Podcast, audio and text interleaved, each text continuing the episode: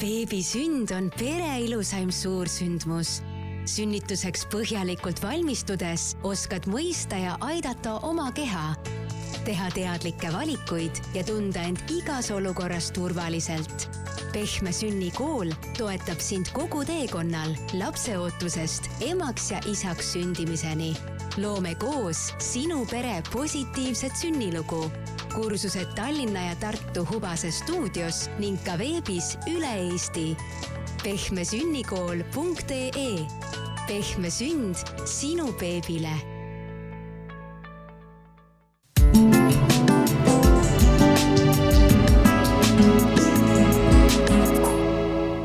tere, hea kuulaja! mina olen Katariina Ratassepp ja algamas on Pere ja Kodu podcasti Üheksa kuud erisaade kui selle podcasti üheksas põhiosas me keskendume raseduse eri kuudele, siis erisaadetes jutustame sellistel põnevatel teemadel, mis tulevastele või praegustele emadele on kindlasti huvitavad, aktuaalsed ja vajalikud muidugi on meie suur soov ka see, et koos emadega kuulaksid meid ka isad, sest et lapse saamine on ikkagi kogu pere sündmus.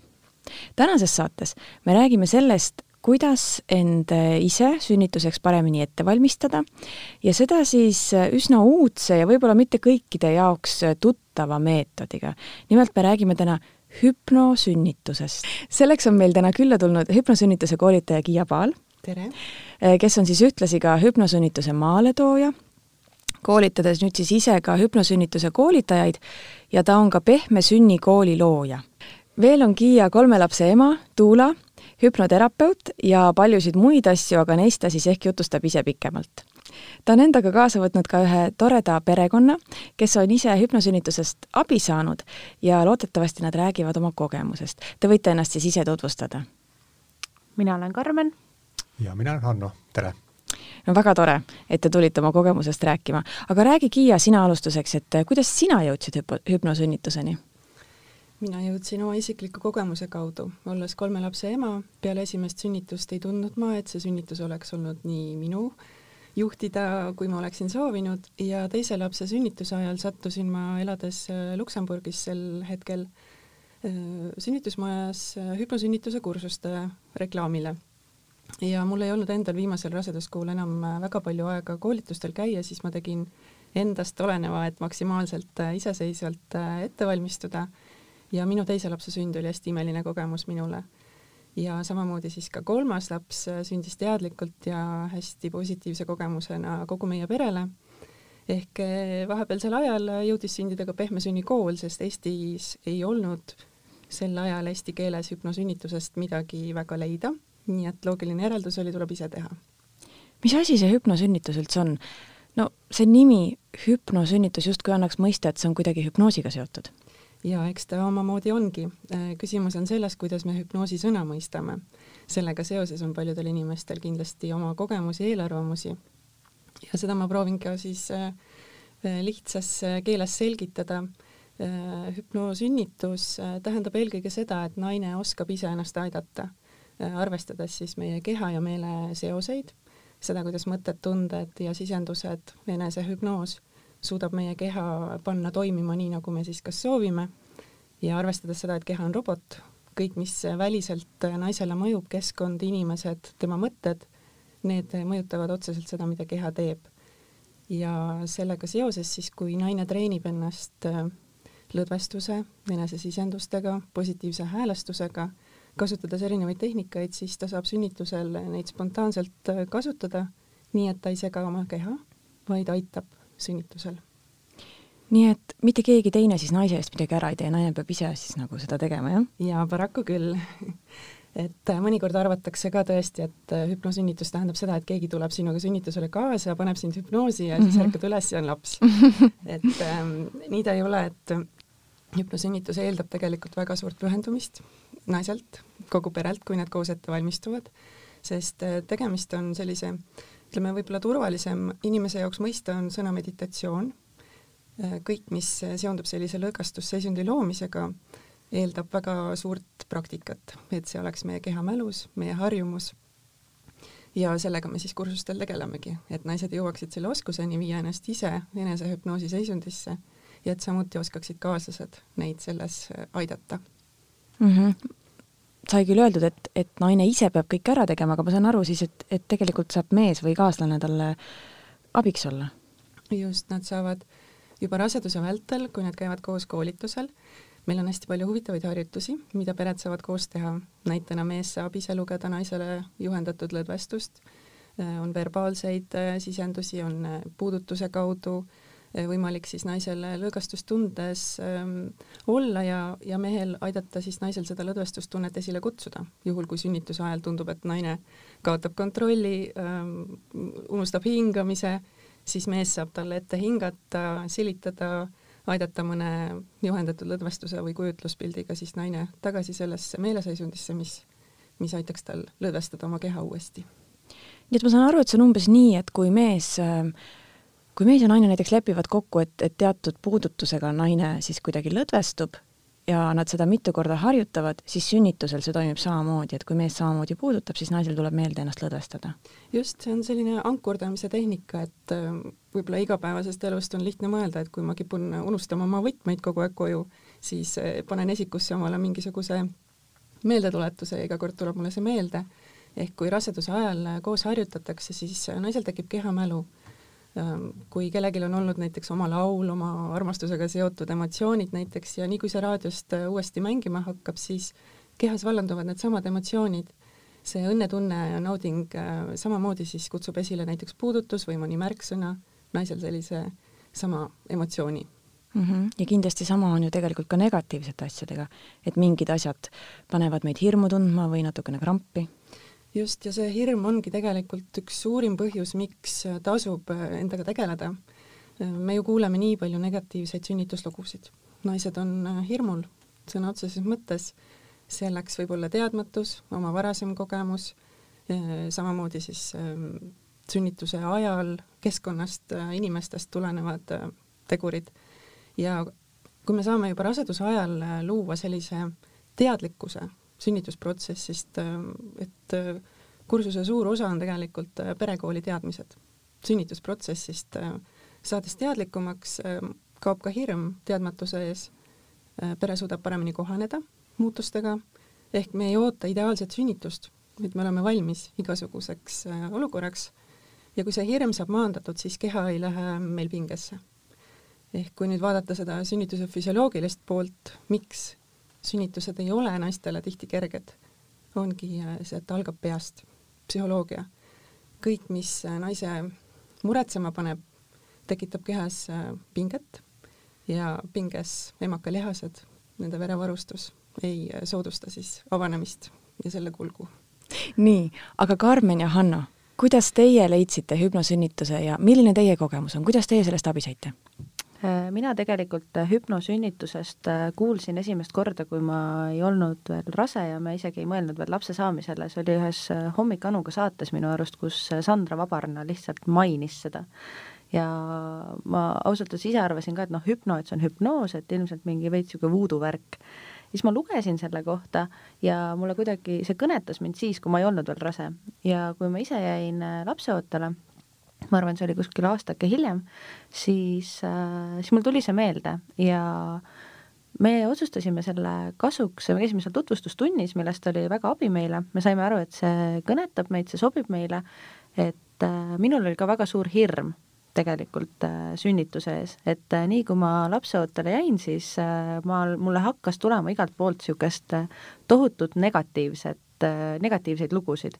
et kes küll ütles, et see on meeletu töö ja et oi, sa piinled seal ja et, äh, et no, et seda, et ikka selleks peab ikka valmistuma ja et, et see on meeletu valu, et et mul hakkas tegelikult niisugune noh, tõeline hirm tulema, olles ise veel äh, loomu poolest niisugune natukene ärev inimene, siis ma tegelikult äh, raseduse alguses juba mõtlesin, et kuidas, kuidas ma saan sellega hakkama, et, et ma tean, et mu see vaimne pool lihtsalt võib keerata mulle endale käru ja selle hüpnosünnituse kursuse käigus me, ma arvan, et meie kahekesi mõlemad saime ülipalju kasu esiteks sellest, et see avas kogu seda sünnituse kontseptsiooni mulle natukene teise nurga alt ja ka mitte ainult sünni, vaid ka kogu raseduse ja ja see just, et, et kui palju tegelikult see, mis peas toimub, mõjutab äh, keha. et äh, et ja mina tundsin, et sellest ütleme, sünnitusmajade poolt pakutavast perekoolist ilmselt ei piisa mulle, et äh, ma võtsin ka neid loenguid, aga et et see hüpnokursuse just niisugune põhjalikkus, et ei hakatud esimeses tunnis meile rääkima, et nii, ja kui sa nüüd sünnitusmajja jõuad, siis pressid ja noh, et kuidagi niisugune hästi, see hakkas nagu väga-väga kaugelt pihta ja otsene kasu, ütleme nii, kõik need tehnikad, mis me sealt saime, lõdvestusharjutused, visualiseerimine, igasugused positiivsed enesesisendused, et äh, see, nende olemasolu ma teadsin, milliseid tehnikaid kasutada ja ma valisin enda jaoks välja midagi, mida ma siis raseduse vältel pidevalt harjutasin. Et tegelikult olles ise selline, kes ma ei ole kunagi mediteerinud, noh, ma hakkasin ka raseduse ajal alles joogaga tegelema, siis äh, see nõudis niisugust nagu uue oskuse õppimist.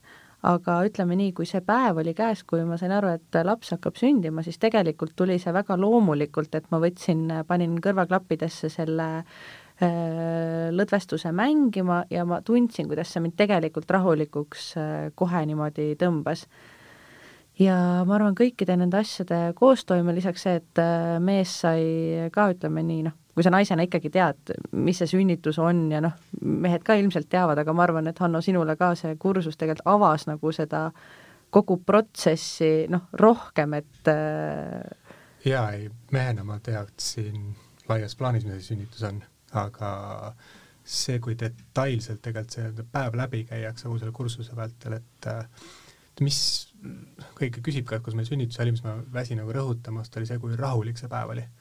Et meil tegelikult ju hommikul kuskil viiest hakkasid tundma, et midagi nagu toimub yeah., siis kakskümmend üks, kolmkümmend võeti meid sünnitusmajja, et kogu see periood oli noh, meil oli niisugune tunne, et kas asi on õige, see oli täiesti nagu rahulik, olidki mingi tehnikad, mida me, või no mida Karmen siis proovis, mida mina seal toetasin jah, sina tegid mulle seda leebepuudutuse ja, massaaži ja, ja me olime terve selle päeva kodus ka mm, -hmm. et, mhm. et ma ütleme nii enne nagu sinna kursusele minekut ma arvasin, et noh, see päev, kui sa, et see sünnitus on niisugune, et no nii, nüüd pah, veed tulevad ära, nüüd me, nüüd tuleb seal kellade viledega kiiresti haiglasse, niisugune paanika, ärevus, et kõik need sõnad olid minu jaoks nagu enne seda sünnitust, paanika, ärevus, valu, hirm aga tegelikkuses see päev oli selline nagu rahulik kulgemine, et ma mm. tegin neid lõdvestusharjutusi, me olime hästi kaua kodus, et see oli üks väga otsene kasu, mis me tegelikult äh, hüpnokursuselt saime, et ja see julgus, julgus kodus olla, et me teadsime, mis toimub, miks see toimub, kuidas see toimub ja mida nagu oodata, mida otsida, mida vaadata, mida teha.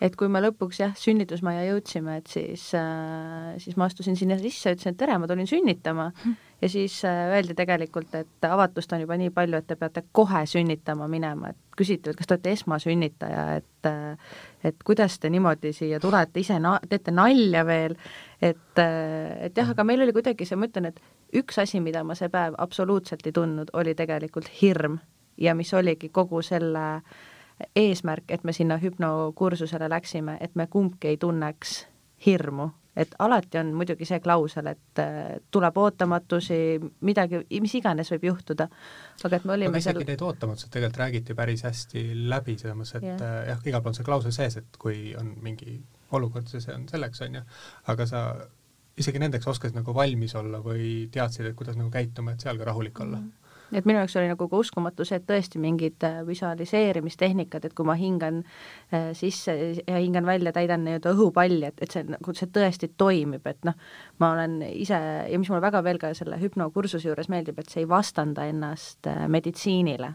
et, et noh, ei ole niimoodi, et et, et me nüüd lähme ainult oma selle hüpno sellega ja et ma kuidagi ütlen, et nii, arstid, teie ei tea midagi, et noh, see ei ole tegelikult niimoodi, et et see oli nagu ma arvan, parim, mis ta on meie... nagu täiendus meditsiinile? jah, ta on täiendus ja mulle meeldis ka see, et äh, sünnit meil, äh, meie tütar sündis äh, Pelgulinna sünnitusmajas, et ämmaemand ja ka kõik nagu see oli väga okei okay nende jaoks, et me oleme seda hüpnosünnituse nii-öelda praktikaid kasutame. pigem nad olid rahul, et me rohkem teadsime et me teadsime, mis nagu toimub, mida nagu isegi küsida või nõuda või tahta. ja et kui ma võtsin, meil oli eraämmaemand veel lisaks, et äh, kui ma talle ütlesin, et me võtsime selle hüpnosünnituse kursuse, siis ta ütles tegelikult, et väga hea, et äh, et siis te saate hea ettevalmistuse. et, äh, et jah. milliseid tehnikaid te siis kasutasite sellel päeval? Äh, mina kasutasin, mis ma, mulle tundub, äh, Kiia võib mind parandada, kui on äh, teisiti, et on see vikerkaare lõdvestus, mis on siis niisugune heli, heli nii-öelda tekst mida ma siis kuulasin terve päeva mm. -hmm. see on siis salvestatud juba see on, kusagile, see on jah? salvestatud kusagile, selle saad nii-öelda selle kursuse käigus nagu enda mm -hmm. nii-öelda tööriistakohvrisse mina kuulasin seda päeva jooksul hästi palju, aga ma olin seda ka eelnevalt ikkagi peaaegu et üle päeva nagu õhtuti kuulanud, et see oligi juba, käis niisuguse lõdvestumise juurde. siis äh, need positiivsed niisugused äh, enesesisendused, millega ma teadlikult tahtsin ära hoida, et mul tulevad mingisugused muud mõtted, et mm -hmm. näiteks, näiteks mida sa kasutasid siis? see oli ka niisugune fail, ma enam isegi nii täpselt ei mäleta, mis laused need seal olid, aga et et iga hingetõmbega ma liigun lähemale oma beebi sünnile ja noh, niisugused minu keha teab, kuidas sünnitada. jah, täpselt see, jaa, vot just see, et sellised, sinu hääl on mulle juba nii tuttav sellest failist, et ma saan aru, et kui sa seda kuuled, siis sul ei ole ruumi sellele, et sul tekib, järsku juhtub midagi appi, appi, mis nüüd saab? jaa, siis mul ei olnud selleks, mul ei olnud ruumi, et need mõtted tuleksid, aga selle taga on ikkagi suur töö et äh, see ei tule niimoodi, et ma käin seal kursusel, ma ühe korra kuulan selle läbi ja siis ma panen sünnituse päeval selle ka peale ja siis on kõik nagu okei okay.. et äh, noh, vähemalt võib-olla mõnel see on nii, aga mina tundsin küll, et kui ma ei oleks ikkagi järjepidevalt neid noh, kuulanud, siis et ma pidin ise hakkama uskuma neid enne, kui ma saan need panna endal nagu mängima Mm -hmm. ja siis oli meil veel see leebepuudutuse massaaž mm, -hmm. mida siis äh, said sina mulle teha mm. -hmm. No hingamistehnikad. jah kõik need hingamistehnikad, et ma olin ikkagi niimoodi välja kirjutanud endale, et äh, avanemisperioodis on need hingamistehnikad niisugused, et mis see rütm on, et äh, mitmega sisse ja mitmega välja, siis äh, selles presside ajal, mis äh, siis see jott hingamine oli seal, et ja kõik oli ilusti meil pappkaarte peal välja kirjutatud mm. igaks juhuks, kui ära unustame. jah, et ma olin nagu natuke selline nagu äh, eksamiks valmistumine oli see minu jaoks, et ma võtsin selle hüpnosünnit-, mulle, meile nagu sobis see väga hästi, et et me saime sealt need tehnikad ja siis ma töötasin nendega, mul oli kõik kirja pandud, et noh, kui mul näiteks seal, me ei teadnud ju, kaua meil sünnitusmajas läheb, et kui me oleme seal kauem, et siis saab äh, Hanno mulle neid näiteks meelde tuletada, et äh, no mida ka sai, et kui noh, olukord juba sinna lõpule lähenes et siis saigi just neid hingamistehnikaid natukene nagu ütleme, kaasa aidata või kaasa hingata ja nagu meelde tuletada, et jaa, et just see, et lapse nii-öelda välja hingamine, et see alla hingamine, et, et mitte, et sa ei hakka seal kohe nagu täiesti just äh, pressima, et äh, mm, et ei tõmba nagu pingega kinni, vaid just ja, lahti, jah? jah, et äh, ütleme nii, see hingamistehnikad, mis ma olen ikkagi väga selgelt endale nagu sisse harjutanud, ma arvan, äh, päästsid ka selle, et nagu tegelikkuses see sünnitus läks väga kiirelt, valutult, või noh, nii palju, kui saab sünnitus valutult minna, aga et et äh, ilma igasuguste suuremate nagu nii-öelda enda, ennast vigastamata ka. nii et täiesti valutult ei läinud, et see müüt tuleb siis nagu murda, et, et käid seal kursusel korra ära ja siis on nagu... ei no muidugi see sünnitamine ei ole spaas käik, et et eks see mingisugune äh, ebameeldivus ju ikka on seal, et aga ma arvan, et selle hingamisega ma sain selle fookuse sellelt äh, reaalselt füüsiliselt valult tegelikult äh, ära. sa ütlesid, et see ei tule üleöö ja et peab kõvasti tööd tegema. mis see tähendab, kui palju sa tööd tegid, kui palju sa harjutasid äh, või, või võtsid läbi neid harjutusi mm,? ma arvan, et äh, see oli kuskil niimoodi, et ma neid lõdvestusharjutusi tegin, noh, kui ma ütlen, et ma tegin iga päev, siis ma kindlasti ei teinud neid, ma tegin niimoodi kuskil üle päeva. Ja ja, ja neid positiivseid enesesisendusi ma kuulasin, noh näiteks kui ma jalutamas käisin või et et ma nagu äh, ikkagi leidsin selleks aja ja lisaks me arutasime Hannoga ikkagi läbi seda mhm. oma noh, kas või see sünnitusplaani tegemine, et, et mida me nagu tahaksime, et meil oleks ja kuidas see kõik võiks minna ja et noh, meie tütar sündis vanni, et tegelikkuses ka see oli, mille, mille mõtte me saime üldse sealt hüpnosünnituse kursuselt, et et võib ka vette laps sündida. jah, see oli meil niisuguse klausel on kirjas, et proovime. jah, et proovime, aga, aga tegelikkuses läkski nii, et tütar sündis mm. lõpuks vanni.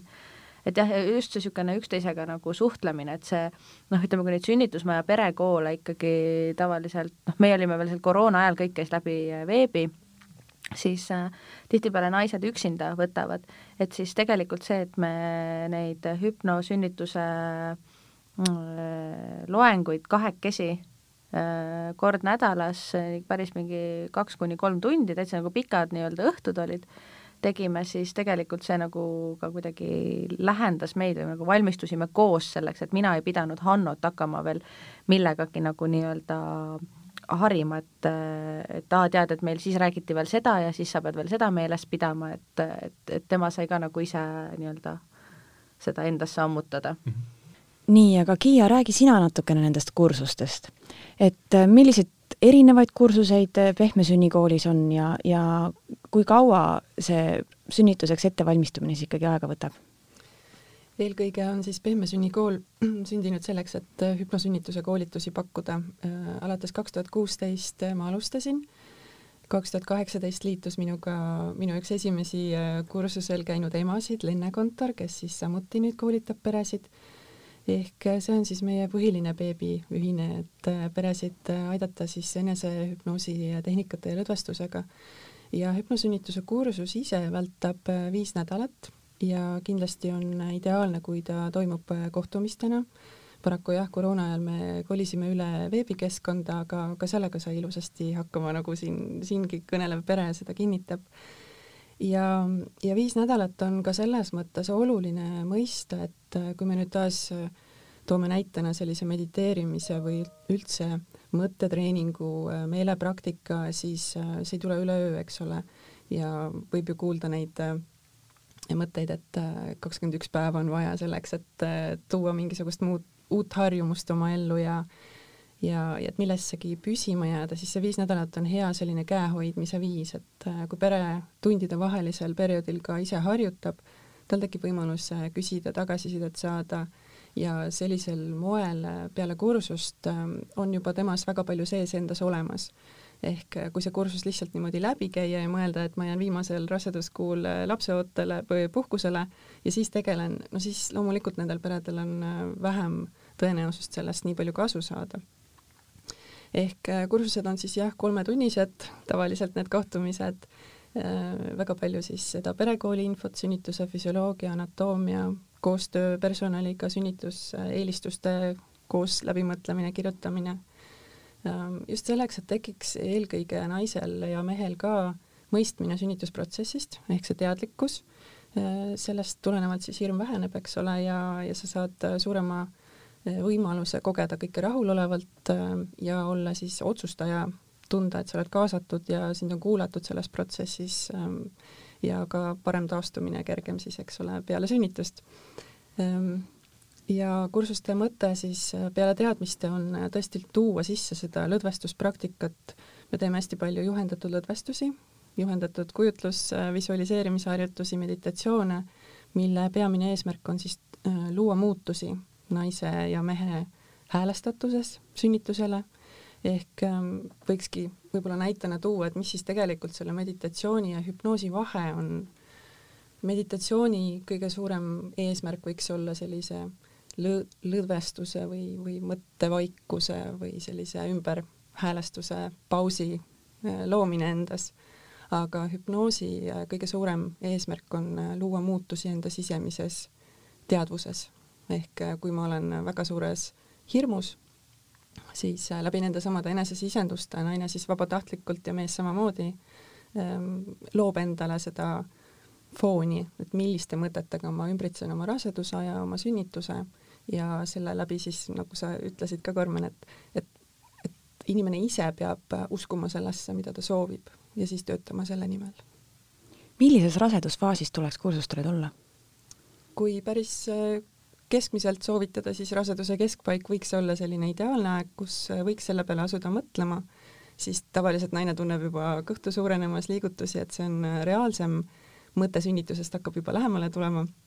Mm, ja kuna kursus vältab viis nädalat, siis sellega arvestada. Ja ma soovitaksin jätta loomulikult ka raseduse lõppu mõned nädalad äh, head aega lihtsalt olemiseks, nautimiseks nii et kui me võiksime mõelda, et beebi võib juba alates kolmekümne seitse, seitsmendast, kaheksandast nädalast äh, sündida, siis võiks kursus selleks ajaks olla läbitud.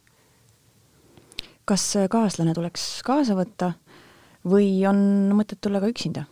alati on mõtet tulla ka üksinda, et äh, meil on naisi, kes käivad üksinda, käivad kaaslastega koos. loomulikult, kui mees või naise kaaslane, lähedane on plaanis võtta kaasa sünnitusele, siis ma väga soovitaksin tulla kahekesi samamoodi võib kaasata pere oma sünnitoetaja, tuula sellele koolitusele, kui nad tahavad, et ka tuula oleks täpselt nende valitud tehnikate ja ettevalmistusega kursis. ja me oleme samuti pakkunud võimalust kõikidele ämmaemandatele ka näiteks ja tuuledele, et tulla lihtsalt vabakuulajana meie kursusele, et nad mõistaksid pere, peresid paremini ja oskaksid siis samamoodi neid sünnitusmajas toetada. viis nädalat, ütlesid sa, mis see tähendab, mitu korda nädalas siis? kord nädalas. Kord nädalas kolm tundi? nii et iseenesest see ei võta kuigi palju aega võiks ju öelda, et äh, selle, sellel perioodil äh, on, mida pered on hästi palju ka rõhutanud, on see, et äh, nad muutuvad selle käigus ka lähedasemaks. ehk nad saavadki ühiselt valmistuda, koos arutada, mõelda asjadele, millele nad muidu võib-olla ei oleks üldse tulnud ja, ja mehed on öelnud ka seda, et, et nendele pakub see ka sellist lõõgastust. tööpäeva õhtul tulla, olgu kolm tundi sünnitusloengust, tundub võib-olla hirmutav mõnele mehele aga on nad väga rahulolevad pärast, et see on ikkagi lõõgastus ja selline koosolemine läheduse loomine. sest kursusel üks teema ka, mida palju ei puudutata mujal ettevalmistustes minu meelest, on beebi üsasisene areng ja see teadmine, mida, mida laps kogeb juba arenedes ema üsas ja et, et seda vanema suhet saab juba teadlikult raseduse ajal luua nii ema kui isa ja kuidas siis mõista ja mõelda selle peale. kus need teie kursused üldse toimuvad? meil on äh, õnneks juba kaks aastat olnud äh, hea võimalus äh, oma stuudios Telliskivi kvartalis siis neid koolitusi teha ja stuudio me oleme loonud ka just mõeldes beebiootajatele, et see olemine oleks neil ka seal võimalikult mugav. meil on pehmed tugitoolid, diivanid, põrandapadjad, joogamatid ehk seda võimalust ennast hästi tunda peaks seal olema palju mul on ausalt öeldes kahju, et meie ei saanud seal stuudios käia, et me tegime läbi Zoomi kõik selle koolituse, sest et tegelikult see ruum tõesti oli äärmiselt mõnus, et kui me seal tutvustamis, tutvustustunnis käisime, et siis oli kohe täpselt selline hästi nagu sihuke mõnus õhkkond jällegi, et äh, et jah, just see, ma ütlen veel vahele, et see kahekesi olemise nagu aeg tegelikult, mis sa võtadki kolm tundi, et et et see oli väga ka enda nagu suhtele tõesti selle raseduse ajal nagu väga kasuks mm. -hmm. sest ma kujutan ette, et raseduse ajal võib suhe jääda tihti tahaplaanile. jah, pluss see oli nagu niisugune aeg, kus me tegelesimegi selle sünnituseks valmistumisega ja et ma arvan, et kui me seda koolitust ei oleks võtnud, et me, et me ei, noh, vaevalt me oleks kahekesi hakanud vaatama sünnitusvideoid et ma, ma, ma isegi, ma arvan, ei oleks neid tegelikult vaatama hakanud, kartes, et ma satun mingi negatiivse sünnitusvideo peale internetist, mida tavaliselt on seal rohkem. et, et jah, see oli igati ka nagu paarisuhtele tegelikult äh, kasuks. Need lõõgastustehnikad olid äh, ikka väga lõõgastavad, et siin esimesed tunnid, kui neid tehti, siis kõik kustusid sinna ekraani taha ära, et aga kas mitte Tallinna inimestel on ka kuidagi võimalus kursustel osaleda? jaa, Äh, meil on äh, Tartus kaks äh, toredat koolitajat, kes väga avalisüli ootavad omale uusi peresid koolitusele ja samuti arvestades selleaastasi eriolukordi, pakume me koolitusi veebi teel ehk siis samamoodi Zoomi keskkonnas, nii et hetkel võib-olla tundubki, et on selline väike üleminekuaeg, et mõned pered tahaksid juba kaaluda seda veebis osalemise võimalust, nii et tegelikult üle Eesti on võimalik seda praegu teha siis oma kodust mugavalt kas see hüpnosünnituse mõju on kuidagi teaduslikult ka tõestatud?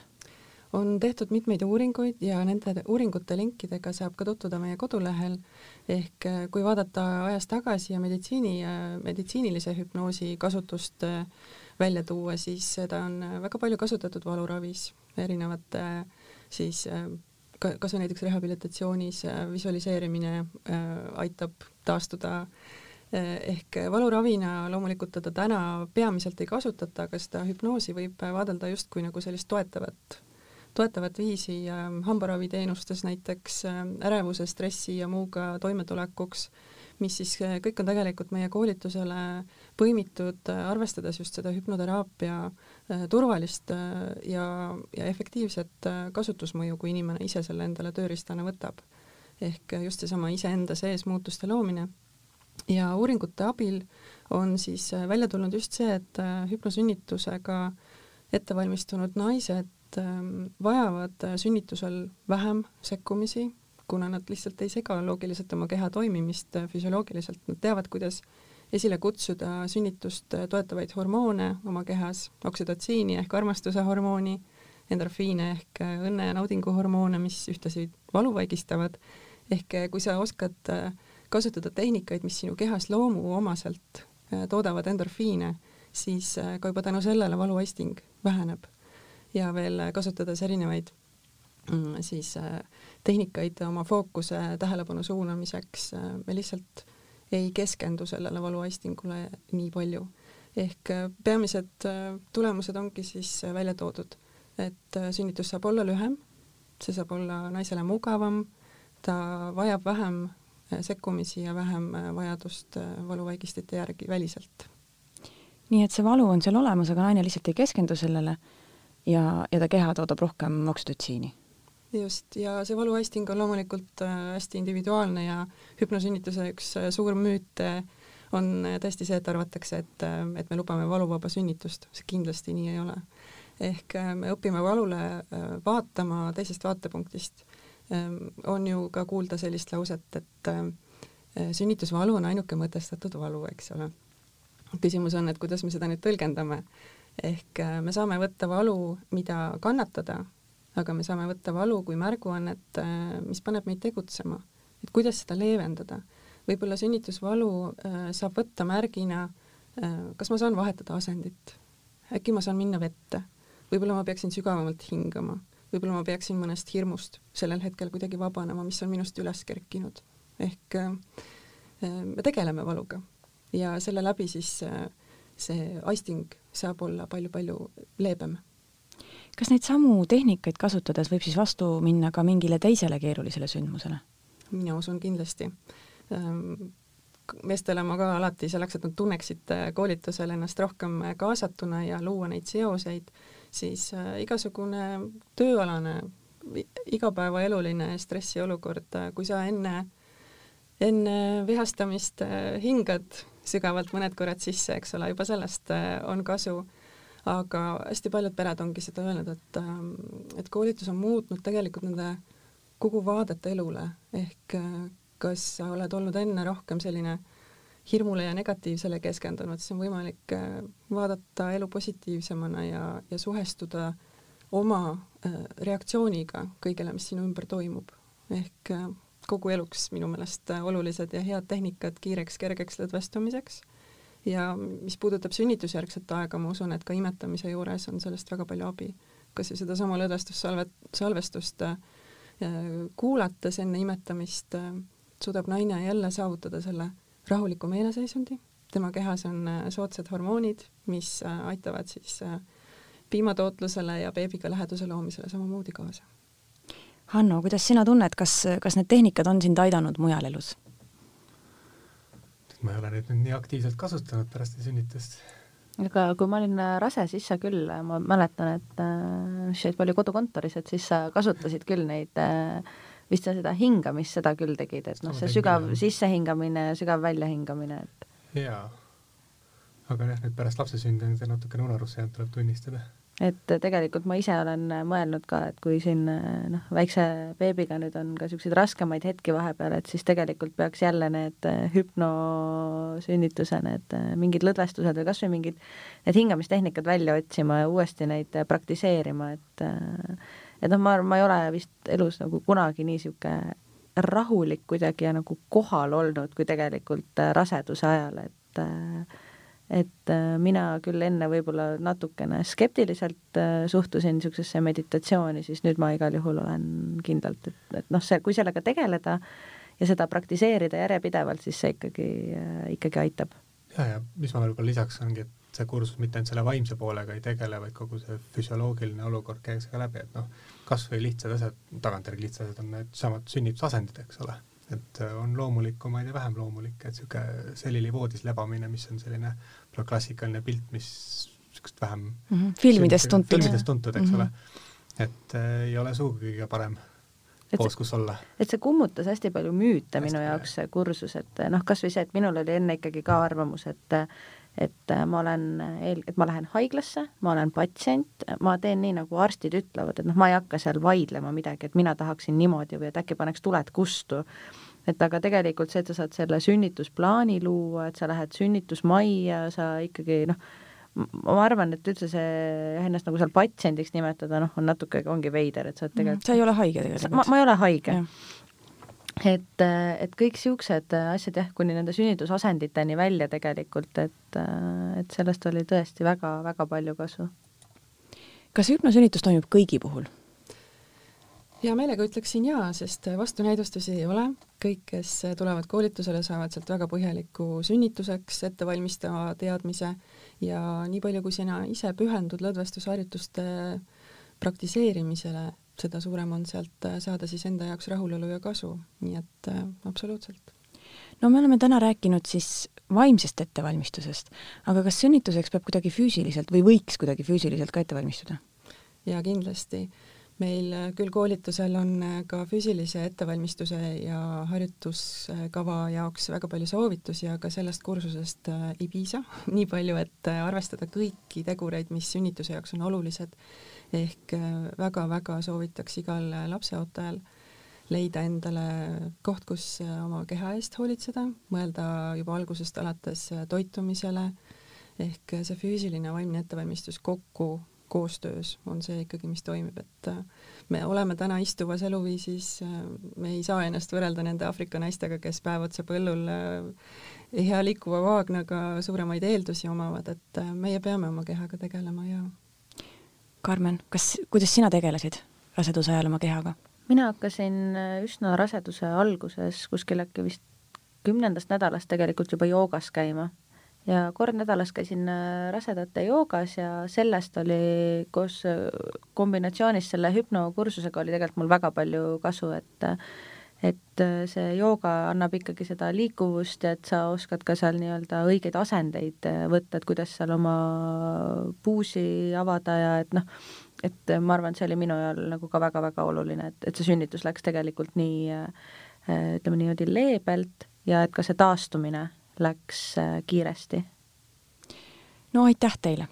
aitäh, et nii olulisel ja huvitaval teemal meiega rääkisite aitäh, armas kuulaja, et sa meid ära kuulasid. kõik meie saated on leitavad Spotify'st, iTunes'ist, SoundCloud'ist ja kõikidest teistest suurematest podcast'ide rakendustest. leidke meid üles, hakake jälgima ja uued episoodid jõuavad esimesena sinuni. Kuulmiseni! thank you